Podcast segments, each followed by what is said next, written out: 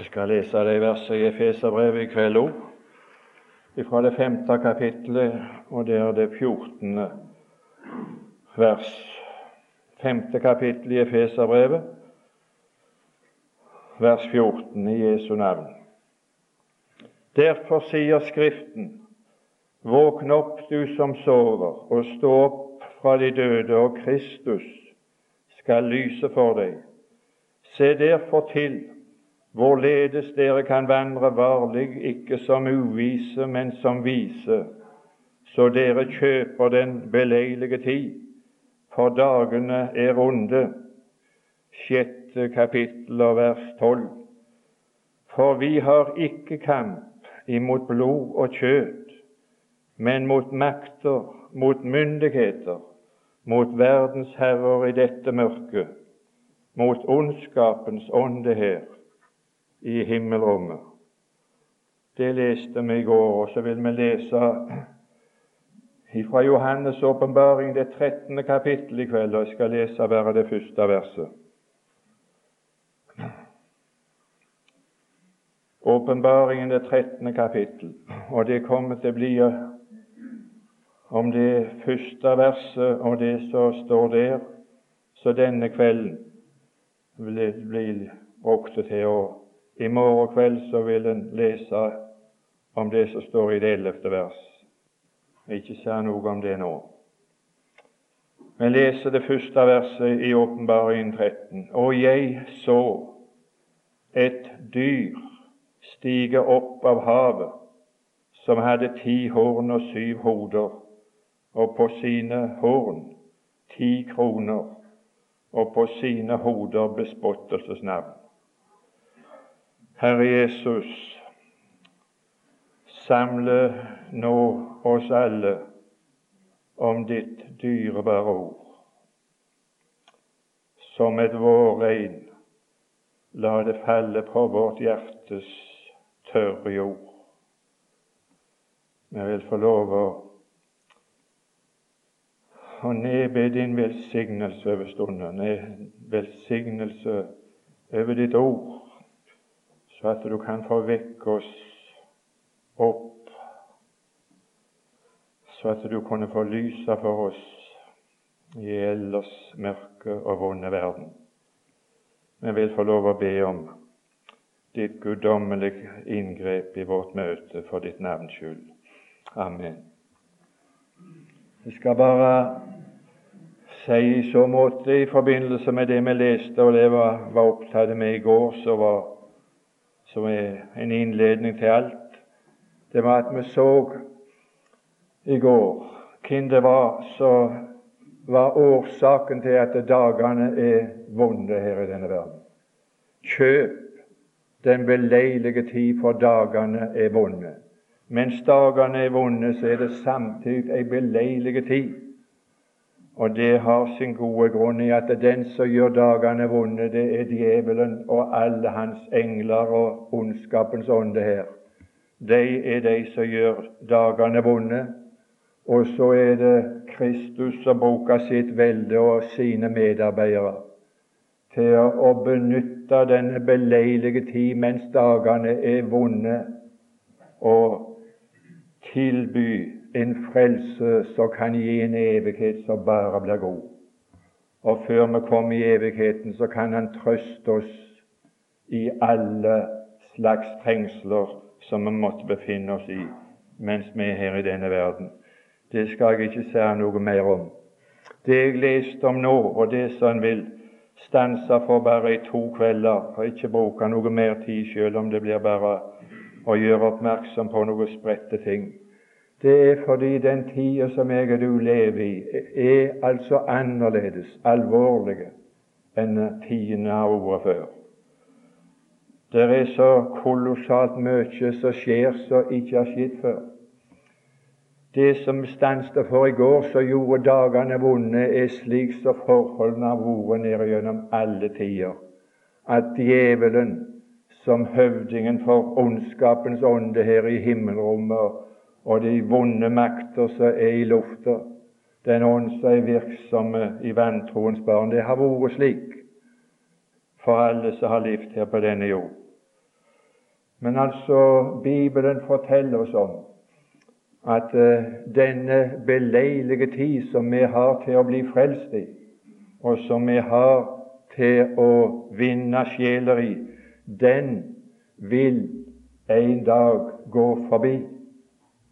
Og det som forteller oss om at den tida, denne velbehagelige tid som vi ennå har her og nå i kveld, at den vil gå forbi, det er ting som stiger opp av vonde makter i våre dager, som ikke har vært her på jorda før, så er av en slik art at når de maktene slår ut i lys lue, så vil dagene bli så vonde i denne verden som de aldri har vært fra skapningens begynnelse. Da er det slik som Jesus sa i Matteus 24.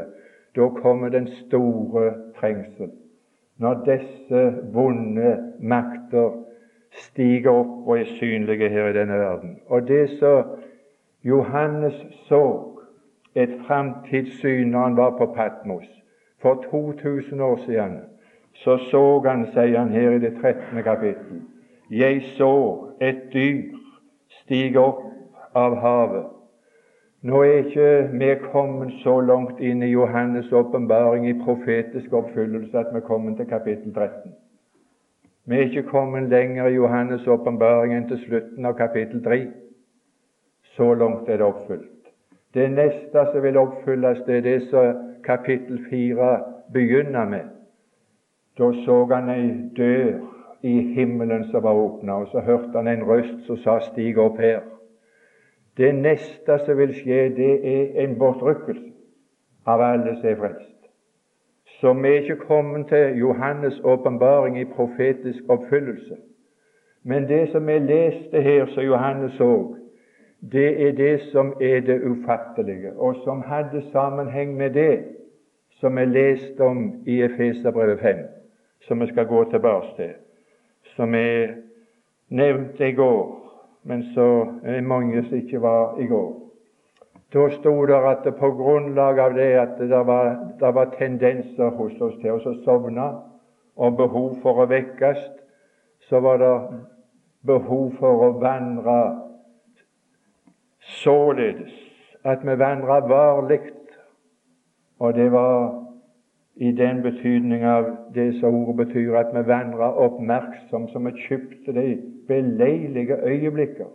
At vi alltid hadde det i tanken og sikte når vi trefte et menneske. Er det et beleilig øyeblikk å bli av med et ord nå? Tenk om vi hadde det. Tror du at jeg trenger en sånn vekkelse?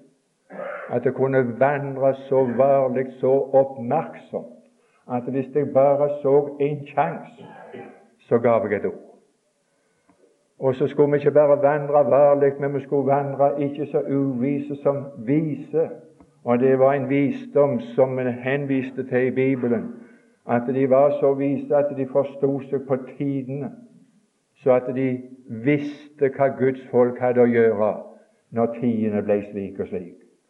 Og det som jeg du hadde behov for for å våkne, det var at det var noe som kunne gjøre oss oppmerksom på som har noe med tidene som jeg og du lever i.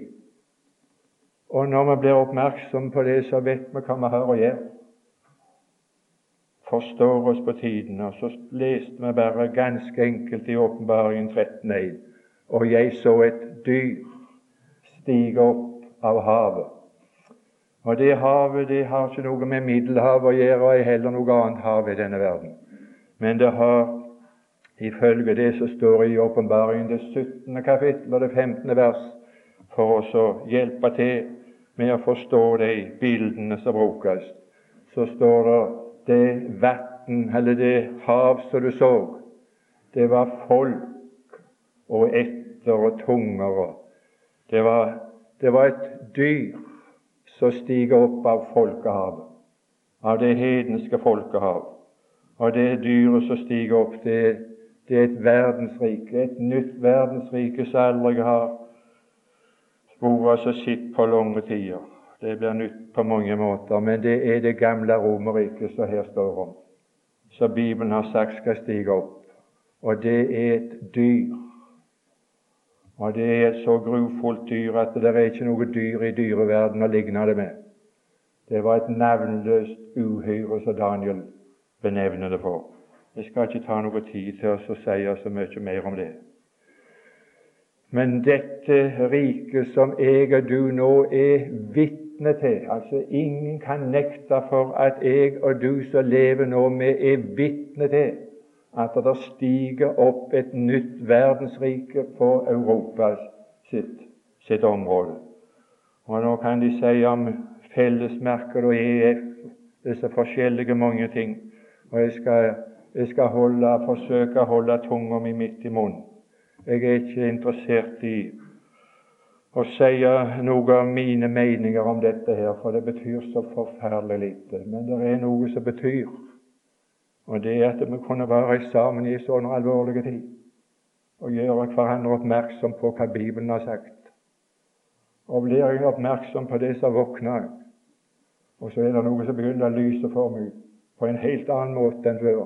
Da lyser Jesus Kristus for meg som bortrykkelse, i karakter av bortrykkelse. Det vil lyse i sånne veldige, vanskelige, mørke tid. Jeg er takknemlig til Gud for at jeg ikke skal inn i de tidene og være her på denne jord når disse uhyggelige dyriske krefter skal dominere og gjøre dagene vonde, så at det ikke blir bare vonde dager sånn som det er nå, men når det blir den store trengsel. Da skal Herren ha sine i trygge forvaring i paradis. Herren tager sin due bort før en Guds vrede går frem, og gjemmer sin skatt bak perleport i Salems velsignede hjem. Men når jeg og du ser dette som nå stiger opp, så er det iallfall noe som er ganske sikkert, at den beleilige tid til å bli frelst, den kan ta slutt hva tid som helst. Det er ingenting som er så sikkert som det. altså. Det er sikrere enn noe annet i denne verden. Det er noe som er ganske sikkert. Det er ikke sikkert at jeg en gang skal dø, så har vært dødsens sjuk og ikke vet det fra dag til dag. Det som jeg er ganske sikker på, det er at Jesus kommer igjen. Det er jeg ganske sikker på. For jeg er ikke ganske sikker på at jeg kommer til å dø, for det kommer jeg ikke til å gjøre hvis Jesus kommer igjen. Da vil dette dødelige slippe å gå i grava. Da vil det bli oppslukt av livet. Og så rykkes vi opp i skyer ifra alle kanter, ifra hele verden, før ragnarokket, før den store trengselen bryter løst i denne verden, og dagene blir skikkelig vonde.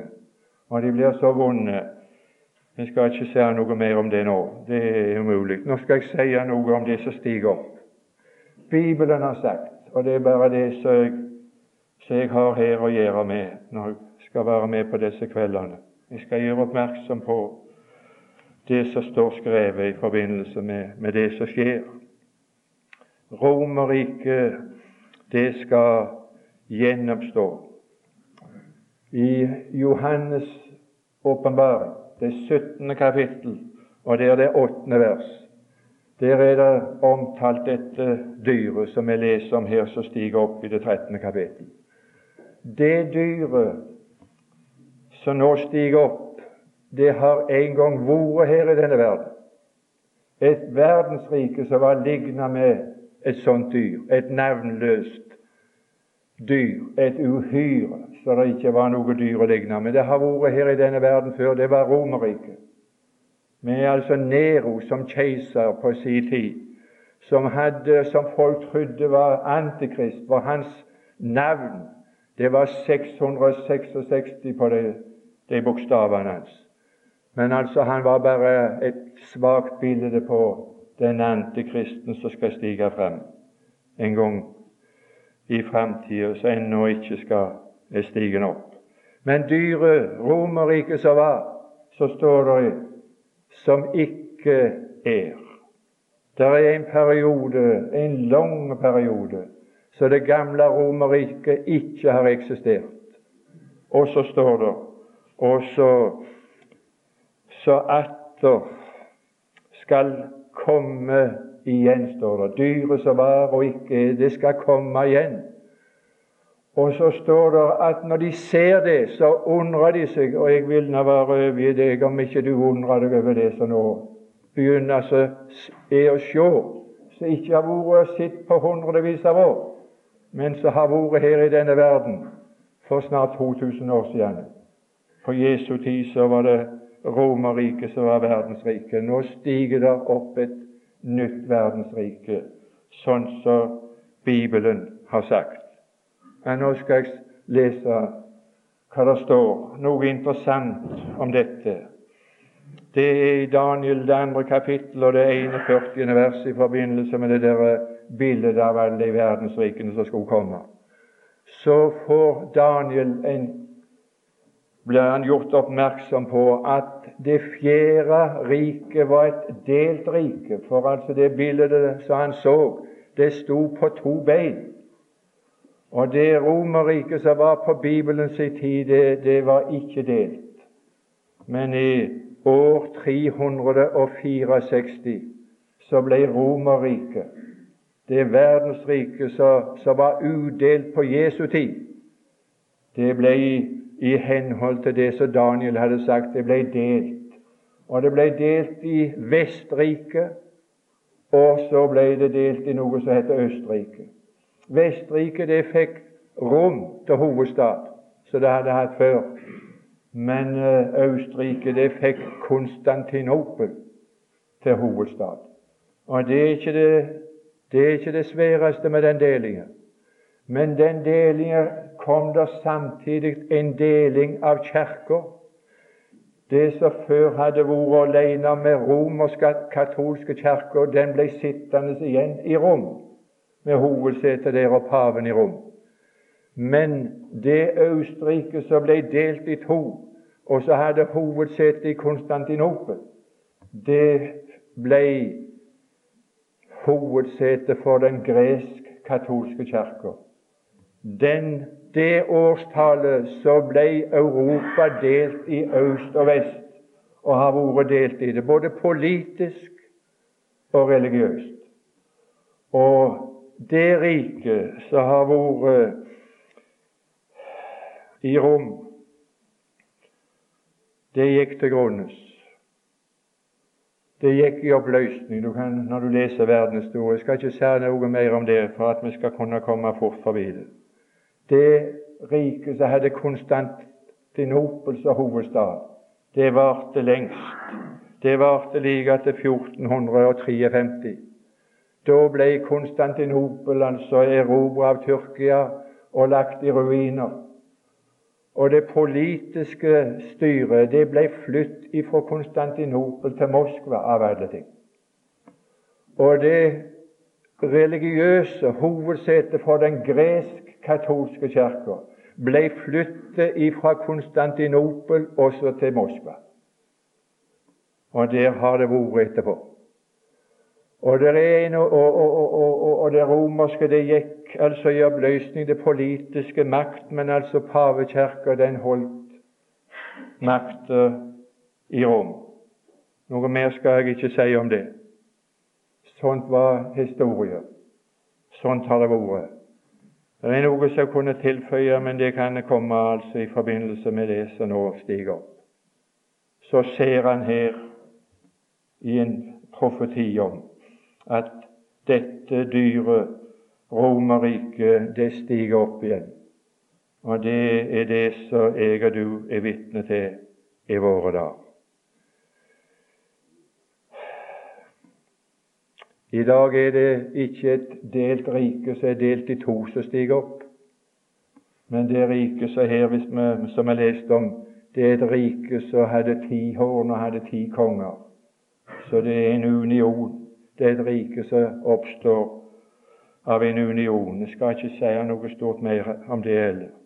Jeg kan bare referere til hva det står i Åpenbaringen 17 og det 13. vers, at det er disse konger og disse riker de har én og samme tanke, og de gir sin makt til dyret.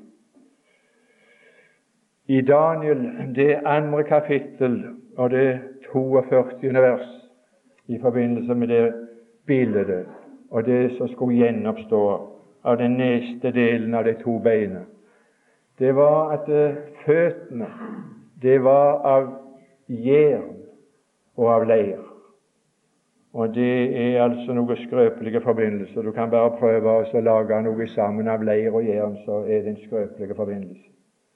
Og jernet sin styrke, det var det som det gamle Romerriket hadde. Det knuste alt på sin vei. Det var ikke mye leir der. Men leiret, det står for demokratiet. Og det som jeg og du nå er vitne til, og som altså her nå er vi antagelig Det er iallfall store fare for det, at jeg og du blir nødt til å gå og stemme om vi skal si ja, eller om vi skal si nei til at landet vårt skal være med i fellesmarkedet, i det nye verdensriket som skal stå opp og lage fred og tusenårsrike og velstand her på denne jord. Ja, Hvis en ikke har en bibelsk eh, veiledning på forhånd, så er det fristende å gå og legge en ja-stemme i. For det høyre så besnærende ut at da skal det bli fred og ingen fare, og det skal bli økonomiske velstand, og du verden for en herlighet i lov. Men når du leser det som står i Bibelen, at dette er noe som djevelen står bak, og det er noe som ikke skal lage noe fredsrike på denne jord, men det skal lage dagene så vonde som de blir i den store trengsel, så er det iallfall opplagt han skal stemme. Men det, det, kommer ikke som følge av en avstemning, det der og der. Det er andre ting og andre krefter. Det som er iallfall er vitne til at det er et forferdelig arbeid i gang i hele Europa. Og det er ikke stort noe annet å høre på verken i radio eller fjernsyn enn at de holder på å arbeide på spreng for å utarbeide et system som skal klare å forene Europa med nytt styre, med en ny regjering. Så de har samtidig demokratiet i behold og samtidig en diktator på toppen. Og dette skal foregå demokratisk, det skal foregå frivillig, at de søker frivillig om medlemskap og så avgir de suverenitet fra det demokratiet til en øverste ledelse. De gir sin makt til dyret, står det. Det går frivillig for seg. Så det er ikke noen som tvinges inn i dette her, men det er noe som folk søker seg inn i. Og de avgir og gir frivillig vekk sin suverenitet og gir den demokratiske makt som de har, selvbestemmelsesrett, den gir de til dette dyret. Sånt er det sagt i Bibelen, og sånt er det de holder på. Skal ikke si noe mer om det. Det står at det hadde syv hoder. Det var syv fjell som den romerske byen bygde på. Og så hadde det ei kvinne som satt altså på dyret. Og Det har jeg lyst til å si noe om. Det er noe så uhyggelig som har hendt i senere tider. Det dyret som satt på dette, det, Den kvinnen som satt på dette dyret, det står der i det 17. kapittel av Johannes' åpenbaring en beskrivelse av den kvinnen. Det er en beskrivelse av den katolske kirke, enten jeg og du liker det eller ei. Så er det iallfall et uomtvistelig faktum at det er det det er den som skal sitte på denne verdensmakt. Dette verdensriket skal bli styrt av den katolske kirka. Paven i Rom, han er samtidig som han er pave for den katolske kirka, så er han ypperste prest etter det babyloniske religionssystemet.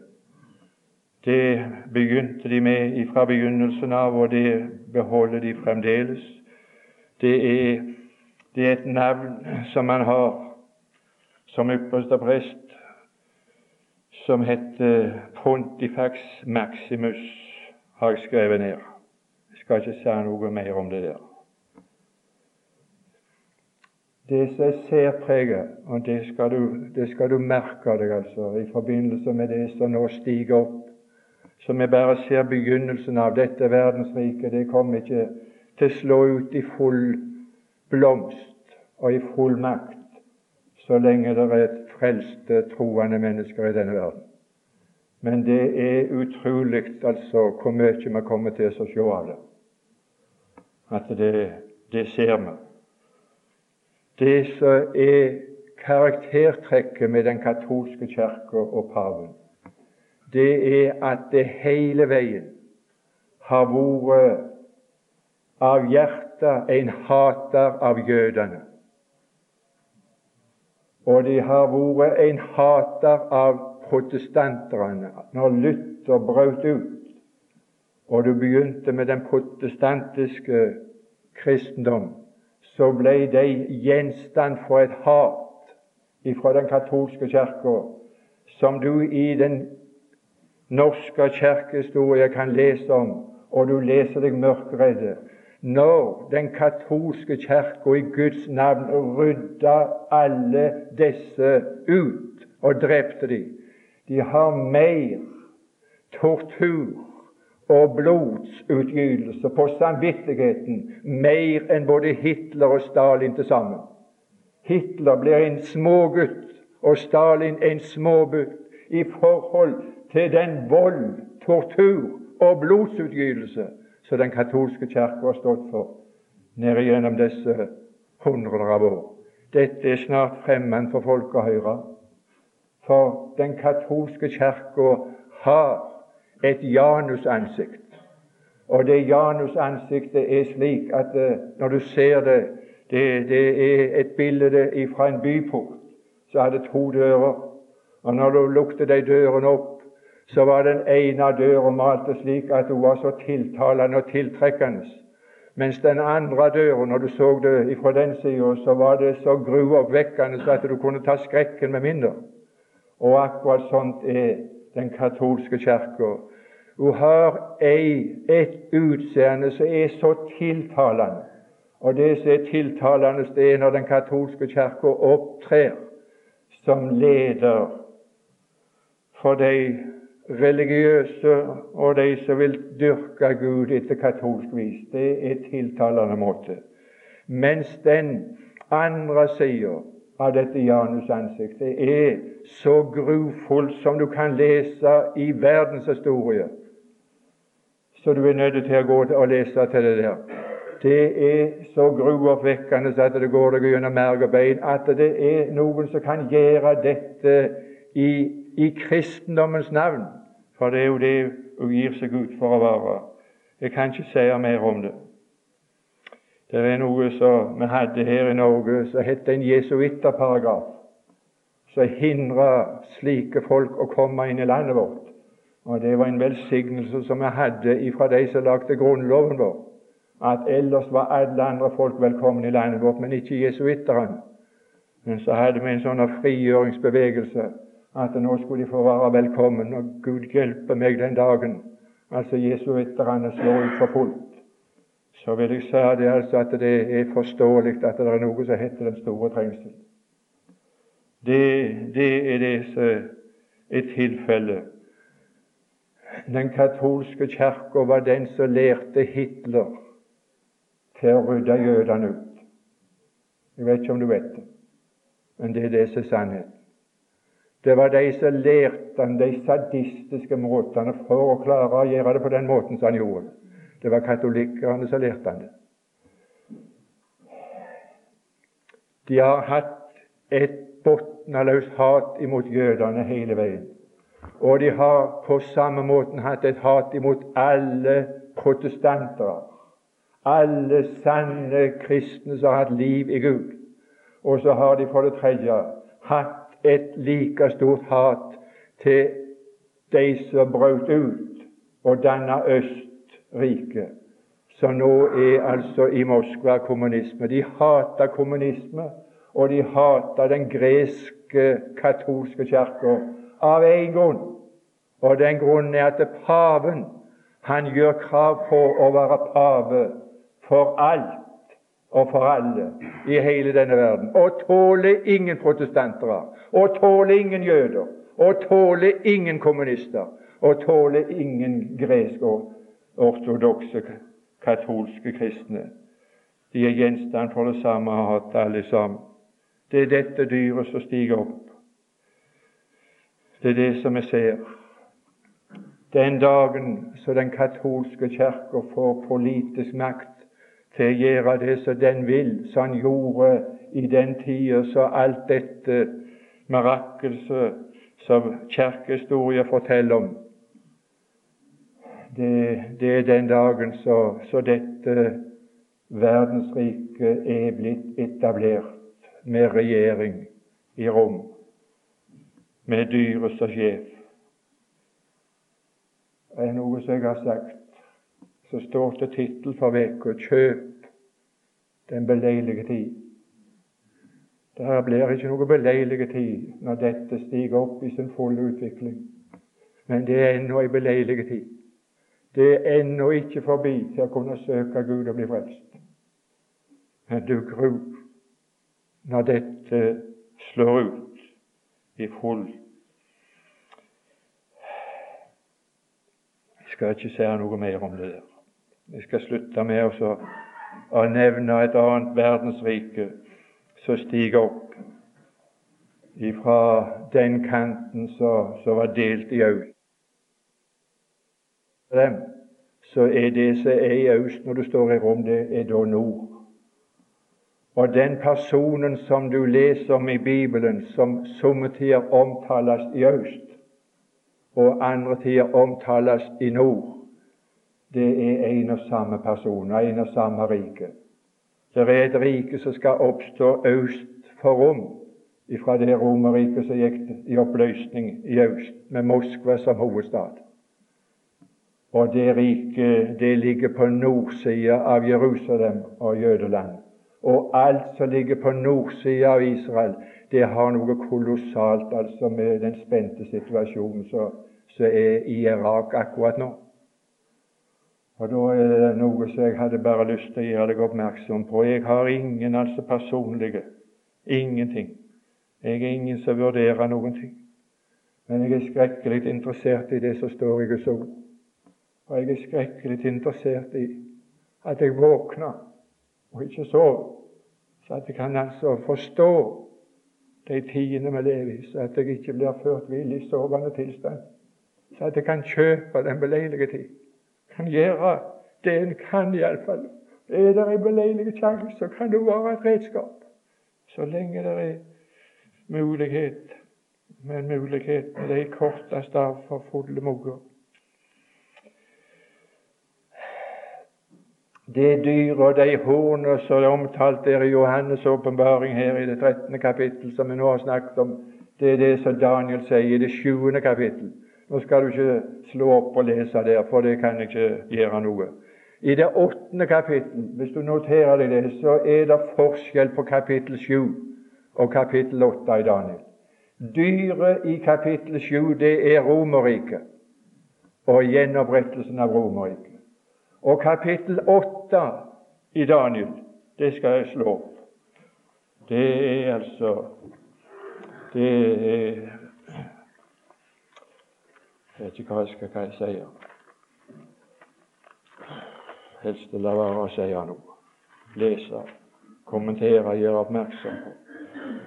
I Daniel det åttende kapittel så står det i det 23. vers og i den siste tid av deres herredømme, når overtrederne har gjort sine synders mål fullt, skal det oppstå en konge med frekt åsyn og kyndig i onde råd. Og Det står i stjerna at det var Antiokus Epifanes, og det kan være greit nok at han var et forbilde på det. Men han var slettes ikke denne kongen, med frekt åsyn og kyndig i onde råd og hans makt skal bli stor, men ikke ved sin egen kraft. Han skal gjøre utrolig stor skade og ha fremgang med alt det han foretar seg. Han skal ødelegge mektige fyrster og de hellige folk osv. Jeg skal ikke lese mer om det. Jeg skal bare gjøre oppmerksom på at det er det det er det som stiger opp i Moskva. Esekiel, det 38. kapittel, skal vi lese bitte lite grann. Jeg skal ikke si mange ord om dette her. Esekiel det 38. kapittel, der står det i det andre vers. Menneskesønn, vend ditt åsyn mot Gog i Magogs land, fyrsten over oss. Og Når du leser om en sånn fyrste, så vil du finne i Daniel altså at når det er snakk om fyrsten, så er det en vond engel. Det er noe djevelskap som står bak. Og det som står bak den fyrsten og det verdensriket som stiger opp i Moskva nå, det er en personifiserte djevel. Det er en av Satans engler som stiger opp i Moskva, og som er altså vil føre fram til at det blir en konge. Det er ikke, det er ikke, det er ikke kamp imot kjøtt og blod, det er ikke menneskene, men det er et system som Satan står bak. Og dette systemet, det står der da i Esekiel 38 at det er en union.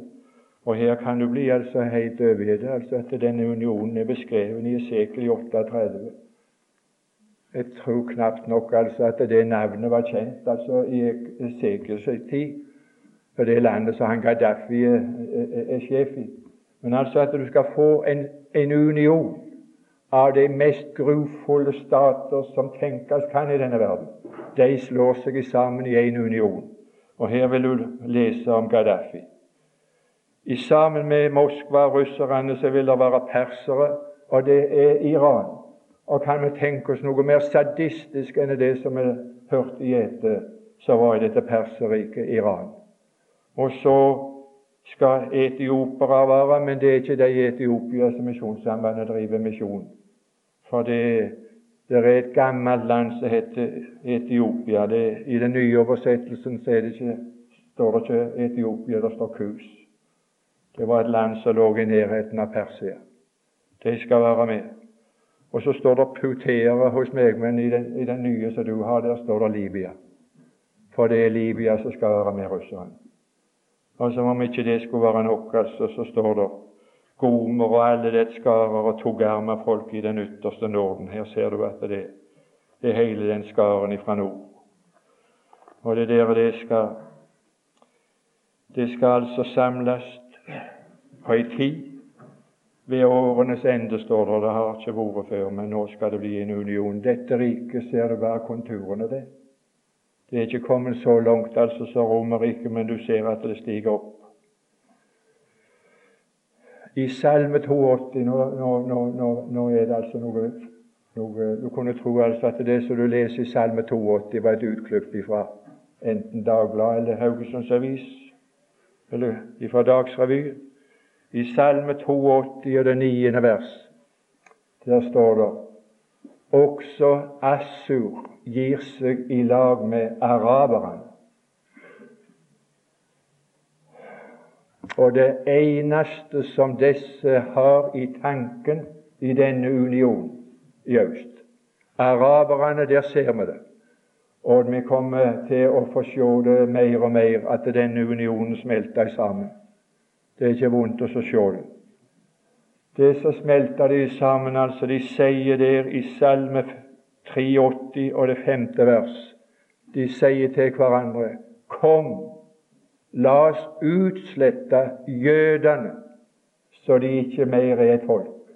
Det som skal samle både arabere og russere og alle disse Persia og Libya og alle de som skal være sammen med dem, det er bare det ene eneste de, de, de, skal utslette jødene fra Jødeland. Kan du tenke deg altså at dette er sagt så skrekkelig lenge siden? Og så er det det eneste du hører, de roper fra morgen til kveld på alle nyheter. La oss utslette dem, så de ikke mer er et folk. Få de ut her fra Jødeland. Få, få utsletta Israel av verdenskartet så det er ikke mer er et folk. Det er det eneste som det går ut på. Og dette er det Moskva skal få et dyr til å være sjef for. Og så kommer vi til Irak, som ligger vestenfor Persia. Og Irak, det ligger nord forbi Jerusalem. Og i Irak Hvis du så altså Og jeg må si at jeg skulle ha lyst til at de hadde kunnet vise litt mer av den sorten bilder, så du kunne fått litt skikkelige opplysning. Men det var en dag i fjernsynet de viste bilder fra det gamle Babylon. At han der, han der slakteren fra Bagdad at han hadde brukt oljerikdommene sine til å bygge opp igjen Nebukadnesers svære bygninger. Og han hadde bygd opp igjen disse fantastiske hengehagene. Og så viste de bilder, nøyaktig like bygninger som det var i det gamle Babylon. Og hvis du går til Johannes' åpenbaring, det 18. kapittel, så finner du en beskrivelse av hva som Irak har av framtidsutsikter i dagene som ligger foran oss. Ikke en utslettelse av noen amerikanske styrker, nei. Men jeg er redd for at amerikanerne kommer i ei hengemur som de aldri kommer ut av, med å ha etablert seg i Saudi-Arabia, i lag med arabere som aldri noen har kunnet stolt ett minutt på. Og så, og så etablere seg der, midt i lavtrykket. Stakkars de når, når, når, de som i dag er venner med, de snur andre sida til. Nei, det er Irak som har dagene foran seg til å utvikle seg til å bli det som åpenbaringen 18 forteller, om å bli en ny gullstat.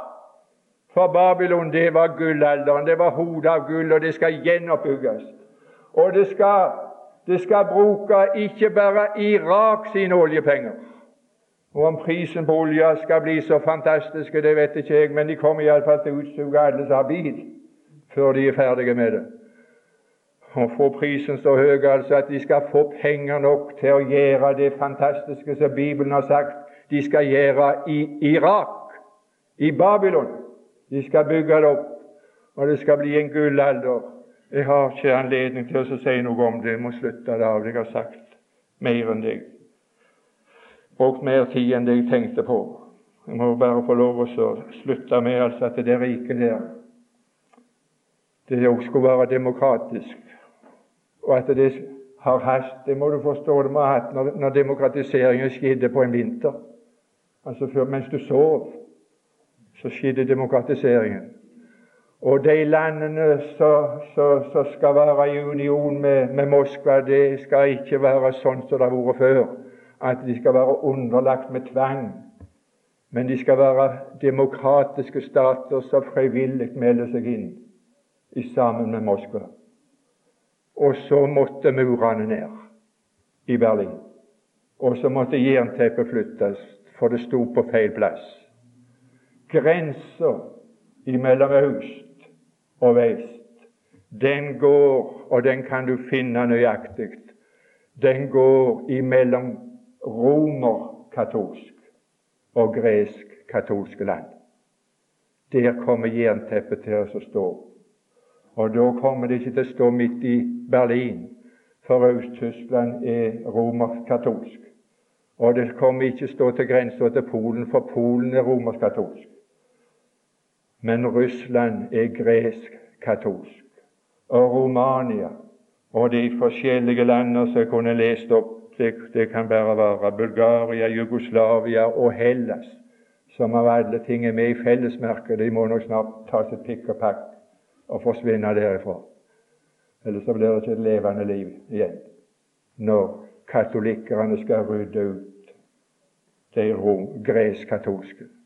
Jeg skal ikke si noe annet enn at i disse kongers dager, ved årenes ende, så skal, det, så skal de til Jerusalem, så skal de til Israel. Alle disse det er det eneste som forener dem. Men i disse kongers dager så skal det komme en som stiger ned til Oljeberget. Og så skal han gjøre ende på det bare med å puste på dem. Det er allmakt.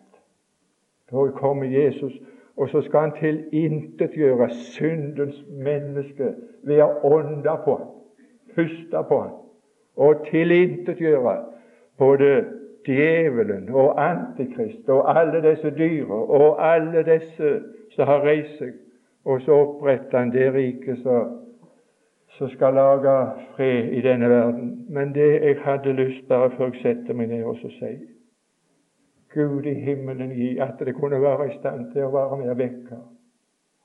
Våkne opp, du som sover, så man kunne kjøpe den beleilige tid som ennå er inne.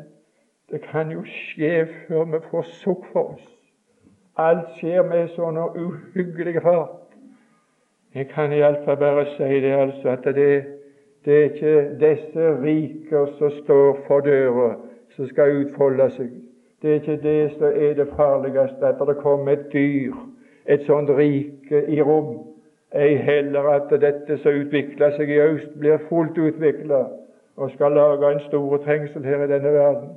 Det som er den store faren, det er at Herren kom. Så er det for seint. Så er den beleilige tid slutt. Og tenk om det ble slutt mens vi sitter her. Ble du med? Ble salen tom? Og Gud hjelpe oss, hver en, at vi holdt oss våkne, så at vi kjøpte den beleilige tid. Utnytta mulighetene, slo til når vi.